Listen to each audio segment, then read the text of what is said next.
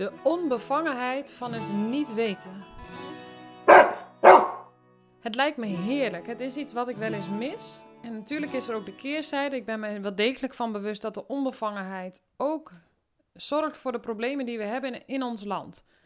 Met onbevangenheid bedoel ik eigenlijk dat je gewoon een aantal dingen doet met je hond.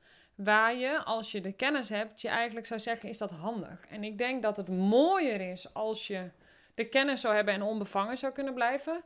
Maar binnen de hoeveelheid kennistekort die er is, zie ik wel dat dat een beetje lastig is. Want ehm, dan wil je onbevangen zijn in een wereld waar heel veel gebeurt waarvan je denkt: ja, klopt dit wel? Is dit niet een beetje krom?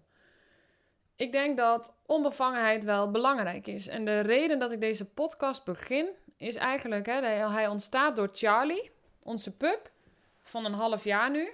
En ehm, de onbevangenheid zit in.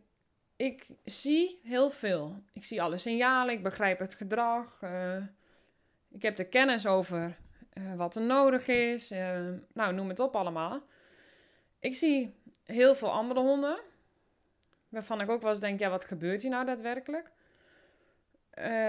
en ik denk dat er heel veel miscommunicatie verkeerde interpretatie is over gedrag. En als je mijn podcast al vaker hebt beluisterd en als je mijn Instagram volgt of je leest mijn blogs of mijn mails, dan weet je ook dat ik daar altijd op zit te hameren. Want ik denk dat, dat het echt een wereld van verschil zou maken als we daarin ons bewustzijn zouden verhogen en je, uh, we honden eigenlijk helpen zoals een hond hond kan zijn zodat hij zijn natuurlijke gedrag kan uitzien. Maar dat we ook veel beter begrijpen van ja, wat is nou eigenlijk de interpretatie van de signalen. Hè? Want daar zit de meeste scheefgroei op. We zeggen, oh, hij vindt het zo leuk, terwijl het over iets totaal anders gaat, bijvoorbeeld. En ik neem altijd dit als voorbeeld om, om in het contrast van, oh, hij vindt het zo leuk en het gaat eigenlijk over wat anders. Maar dat zeg ik vooral omdat dat eigenlijk wel het eerste is wat ik zeg. Omdat mensen heel vaak zeggen, jij vindt het zo leuk, maar en dan komt er een heel scala aan gedragingen achteraan dat ik denk, ja maar wacht even. Als de hond het leuk vindt, waarom is het dan nodig om dat gedrag in te zetten? Dus je begrijpt dat ik dan meteen kritisch ben, ben op, dat, op dat stukje. Daar, zit, daar is eigenlijk ook al het gebrek aan onbevangenheid. Hè? Want de onbevangenheid, als we dan hebben over Charlie, een, een iedere ander zou haar denk ik al losgelaten hebben. Maar ik zie gewoon een hond die de voorwaarden niet heeft om los te lopen. Ik denk niet per se dat ze wegloopt. Alleen ik vind dat ze te veel sociaal onvaardig gedrag laat zien. Waarvan ik denk, ja, maar wat levert dat op? Het zou het hondje zijn wat op andere honden afstormt, terwijl ik daar zelf een enorme hekel aan heb. Um, het zou het hondje zijn die misschien eens een keer tegen je opspringt, omdat ze, dat, omdat ze mensen en leuk en uh, gek vindt, zeg maar. Van, hè, wat moet ik hiermee of zo. Dus dan schiet ze wel door. Ik denk dat ze honden leuk vindt, alleen ze weet niet zo goed hoe ze zich moet gedragen. Nou, er zit ook altijd een stukje angst en een beetje onzekerheid onder. Uh, en er zit wel degelijk een zeer veel interesse in als we het hebben over wild. Dus zou ze het opeten? Nee, maar interesse in vogeltjes? Nee, dat is er wel degelijk. Wat is nou het punt? als ik de onbevangenheid had, ik moet denken aan de vrouw waar zij de eerste vijf dagen was. Ze komt uit Italië, heeft ze vijf dagen in, uh, een, uh, bij een leuk gastgezin gezeten. In het midden van het land. En die liet haar los. Nou, die had er wel een andere hond bij. Ik weet zeker dat als ik er een hond naast zet die hetzelfde soort kaliber heeft. En dat had deze hond, was een kleine hond. Het was een volwassen hond. Het was een hond die ook wel op, op Ehm, nou, niet echt op jacht ging, maar zeg maar wel de vogeltjes achterna ging, maar ook wel weer zijn baasje in de gaten hield. Ja, dan kan ik me voorstellen dat een hondje als Charlie zich daarin optrekt. Alleen als je niet ziet wat er gebeurt, hè, want ik heb ook wel wat filmpjes gezien destijds al, waarvan ik dacht, ja, maar hoe ontspannen is dat hondje nu met andere honden? En dan met dat hondje bedoel ik dan dus Charlie. Alleen, als je het niet ziet, dan ben je dus onbevangen. Want ik ben dan toch wel vaak terughoudend en gereserveerd, omdat ik denk, ja, maar als het niet over spel gaat, als het niet gezellig is, als het niet leuk is, wat leert ze hier dan van? Wat heeft ze er dan aan? Nou, wat ik vaak zie is als er. Als er geen. Ik kan daardoor, dus beter gezegd, tegen dingen gaan opzien. En dan vooral dus ook, ehm, ik zou Charlie wel willen socialiseren, maar ik weet gewoon bijna niet meer waar ik naartoe moet gaan. Want ik kan maar naar het losloopgebied gaan. Maar als weet ik hoeveel honden, en wat mij betreft is dat zeker 90, 10% verhouding, en ik durf ook 95 uh, versus 5% verhouding te zetten. De meeste honden bouwen zodanig veel spanning op naar andere honden, gaan plat liggen op de grond, Ehm, stormen op een andere hond af. Ehm, kunnen de andere hond niet meer met rust laten. Hè? Dus dan hebben ze misschien nog wel een normale begroeting. Maar dan vervolgens zitten ze zo hoog dat ze maar bij mij zouden blijven hangen. Ja, als ik dan een hond heb die nog volop bezig is in de ontwikkeling, die ik wil socialiseren, die ik positieve leerervaringen wil geven, wat ben ik dan aan het creëren? Oké, wat ik heel erg in geloof is een stukje weerbaarheid. Ik geloof dat je, hè, je kan niet je hond en je kind, zeg maar ook niet, in de ideale wereld opleven, opvoeden. Ik geloof daar niet in. En ik geloof zelfs dat je je hond en je kind maar beter weerbaar kan maken om om te gaan met die niet perfecte maatschappij. Met dat mensen wel eens uh, niet zo aardig doen of dat honden wel eens niet altijd even sociaal vaardig zijn of vriendelijk zijn. Dan kom je dus wel weer in het contrast. Ik denk dat en daar, daar wil ik een andere podcast over opnemen, maar niet sociaal vaardig gedrag. Of beter gezegd, de niet sociaal vaardige hond. Is dat omdat de hond dat zelf is? Of is dat iets wat wij creëren? Nou, daar ga ik een andere podcast op in. Maar je begrijpt wel dat we een totaal andere wereld zouden hebben waar ik mijn hond in zou kunnen plaatsen als die kennis anders zou zijn. Ja, het betekent dus wel, hè, ik heb van tevoren wel iets uitgestippeld. Ik heb wel een plan, ik heb wel een strategie, ik heb wel verwachtingen, ik reken ergens op. Ik hou wel rekening met dingen. Ik zie je dus in sommige gevallen wel tegenop. En dan niet in de zwaarste zin van het woord, maar ik denk wel vaak van, ja weet je, laat me zitten. Ehm, en eigenlijk zou ik willen dat ik heb nou, beter gezegd, weet je wat het ook is? Ik heb dat wel, daar gaat het niet om. Alleen doordat je zoveel ziet, lukt het niet meer om uh, volledig ontspannen te zijn als je ziet wat er gebeurt. Dus als ik in een losloopgebied ben en ik zie wat daar gebeurt in interactie met andere honden, dan kan ik niet meer zeggen, nou, gezellig zeg. Want of, of nou, lekker ontspannen zeg. Als ik honden achter elkaar aan zie rennen en het gaat niet over spel.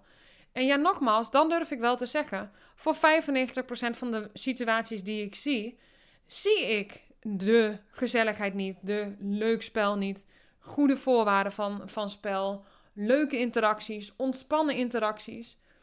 Het doet me altijd denken aan het bos waar ik altijd liep in Amersfoort, waar ik dan wel een hond zag die. Ehm, of waar, waar altijd één hond liep, bedoel ik, een Fries is daarbij. Hij was al wat ouder. Of nou, misschien een jaar of zes of zo, acht die echt super keurig in zijn communicatie was. Maar het was wellicht ook, nou, drie op de 20 honden die je tegenkwam, 30 honden die je tegenkwam als je in de spitsuur liep, waarbij je zou kunnen zeggen: Wauw, dat is echt super fijn. Dus ja, weet je, daar wil ik wel mee socialiseren. Daar wil ik wel de interactie mee aangaan.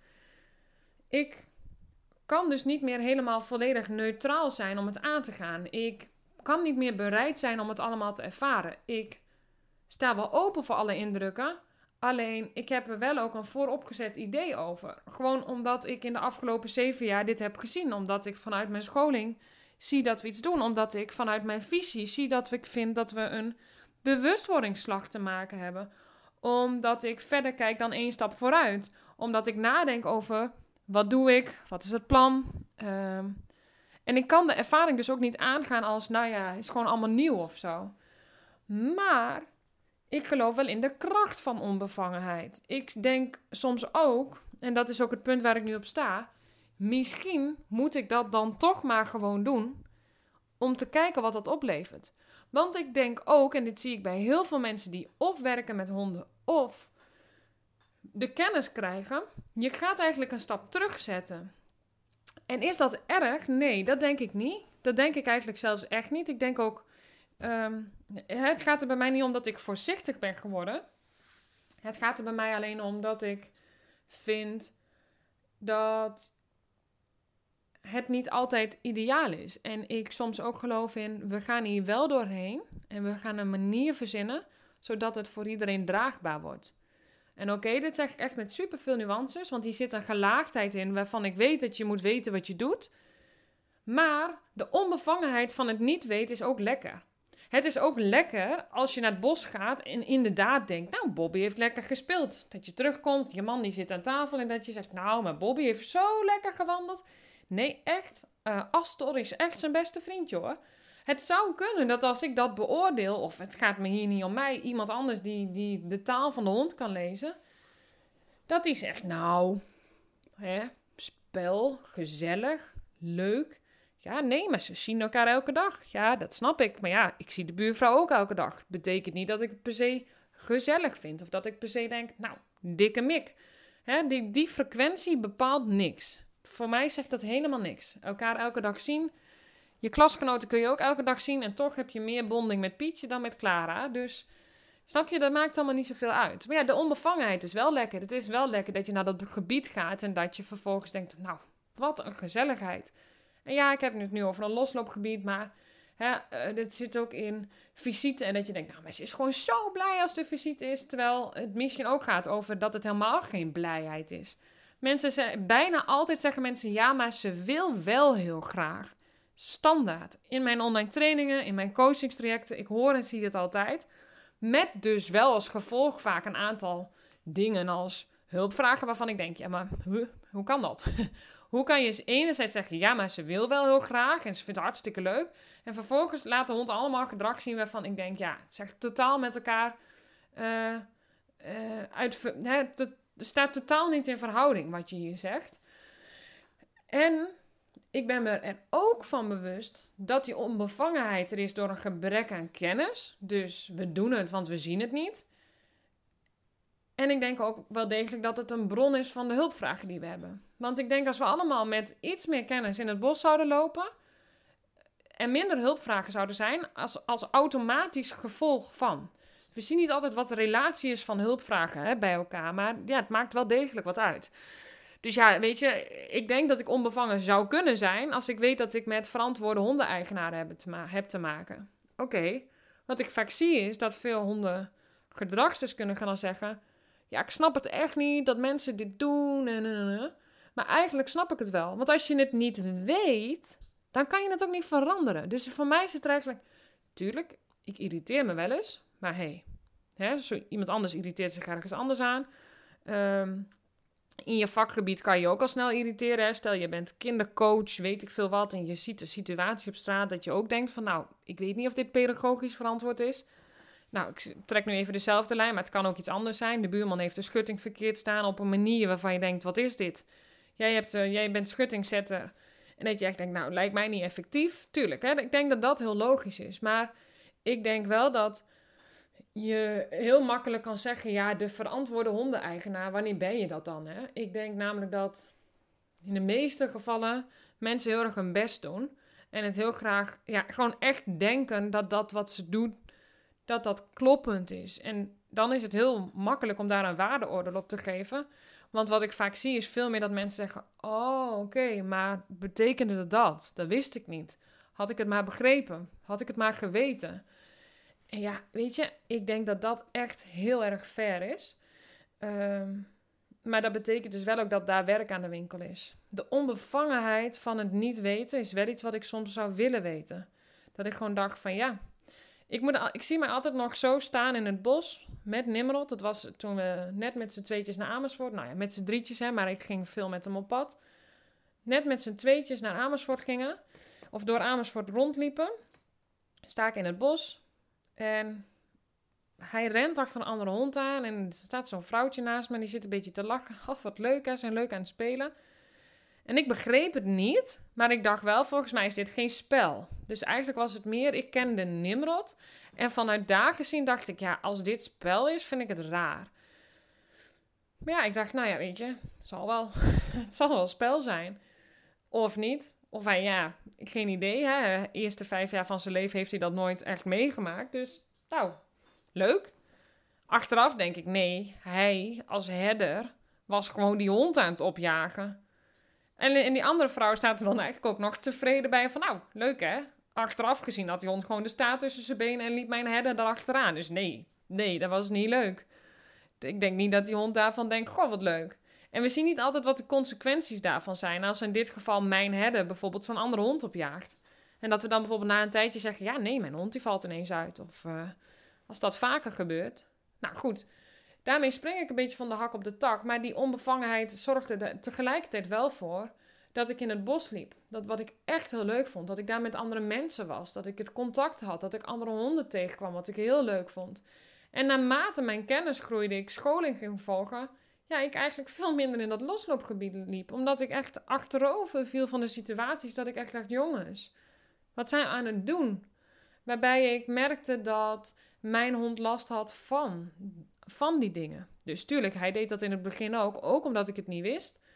Uh, en, ik het, en ik het dus maar gewoon liet gaan. En ik hem daarin begeleid heb. Dus eigenlijk heb ik hem zo kunnen trainen dat hij dus met die, om, met die gekke situaties om kon gaan. Hè? In het kader van, ja, maar dit is wel de situatie. Weerbaarheid. Betekende wel dat ik niet vaak in het spitsuur, tijdens spitsuur daar liep. Of niet in mijn uppie, waardoor we als een soort defensie uh, door dat losloopgebied lopen, liepen. Van ja, wij, wij lopen hier met twee of drie man. Deze honden kennen elkaar goed, kunnen het prima met elkaar vinden. Zonder dat ze de hele tijd aan het spelen zijn. Ze lopen gewoon samen. Nou ja, zo'n beetje. De onbevangenheid van het niet weten. Ik zou er meer van willen hebben en tegelijkertijd zijn dit ook de nuances. Want ik ben me er wel degelijk van bewust dat de onbevangenheid vooral ook ontstaat door een stukje, ja, ik weet het niet.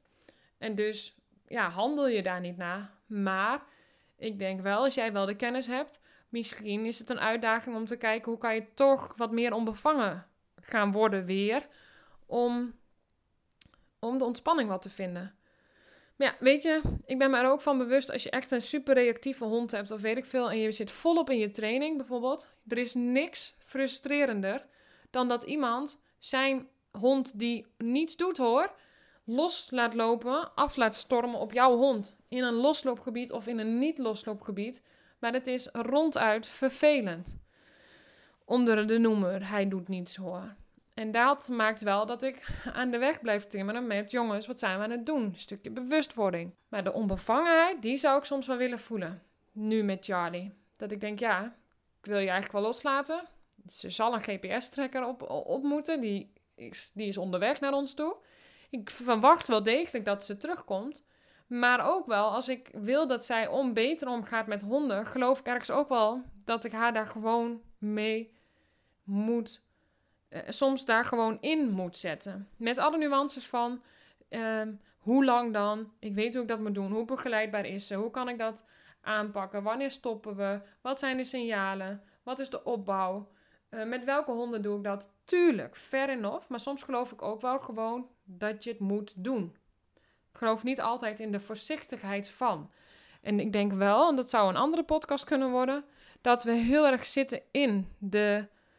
In de door, door alles wat we leren en kennen, dat er een soort angstcultuurtje ontstaat. Een soort, en dan angst, de angst kent veel lager wat mij betreft. Maar een soort van voorzichtigheidscultuurtje een beetje zoals je dat met kinderen ook, ook hebt, anno 2024, dat ik denk, ja maar jongens, één, ze zijn niet van porselein, hè? ze breken niet zomaar. Ja, we hebben ontiegelijk veel gedragsproblemen met onze honden, dat denk ik echt. Ik vind dat we in Nederland echt, echt veel problemen hebben met onze honden. Maar ik denk ook dat we doorslaan als we het hebben over, hè, en ik maak de vergelijking met kinderen dat als ze al aan suiker zouden denken, bewijs van dat ze, dat ze ongeveer neervallen en och, dat is zo slecht. En, en ik neem nu even suiker als voorbeeld, maar noem het op wat. Ehm, waarin tijden veranderen, we steeds meer weten voor gedrag van honden of voor gedrag van kinderen.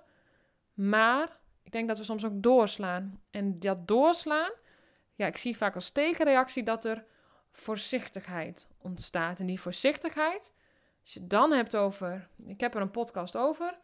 Uh, ik zal hem bij deze uh, podcast zetten. Ik geloof wel dat dat invloed heeft. Ik geloof wel degelijk dat als jij een voorzichtige energie hebt, dat jouw hond daarop reageert. Maar nogmaals, een voorzichtige energie ontstaat ook als gevolg op. Want als jij hulpvragen hebt met je hond, word je voorzichtig, word je terughoudend. Dus het staat allemaal met elkaar in verbinding. Je kan dat niet, niet los zien van elkaar, denk ik. Het, het is een grote cirkel en een groot totaalplaatje waarin je dingen mag plaatsen. Daar ga ik de podcast mee afronden. Dankjewel voor het luisteren en tot de volgende keer.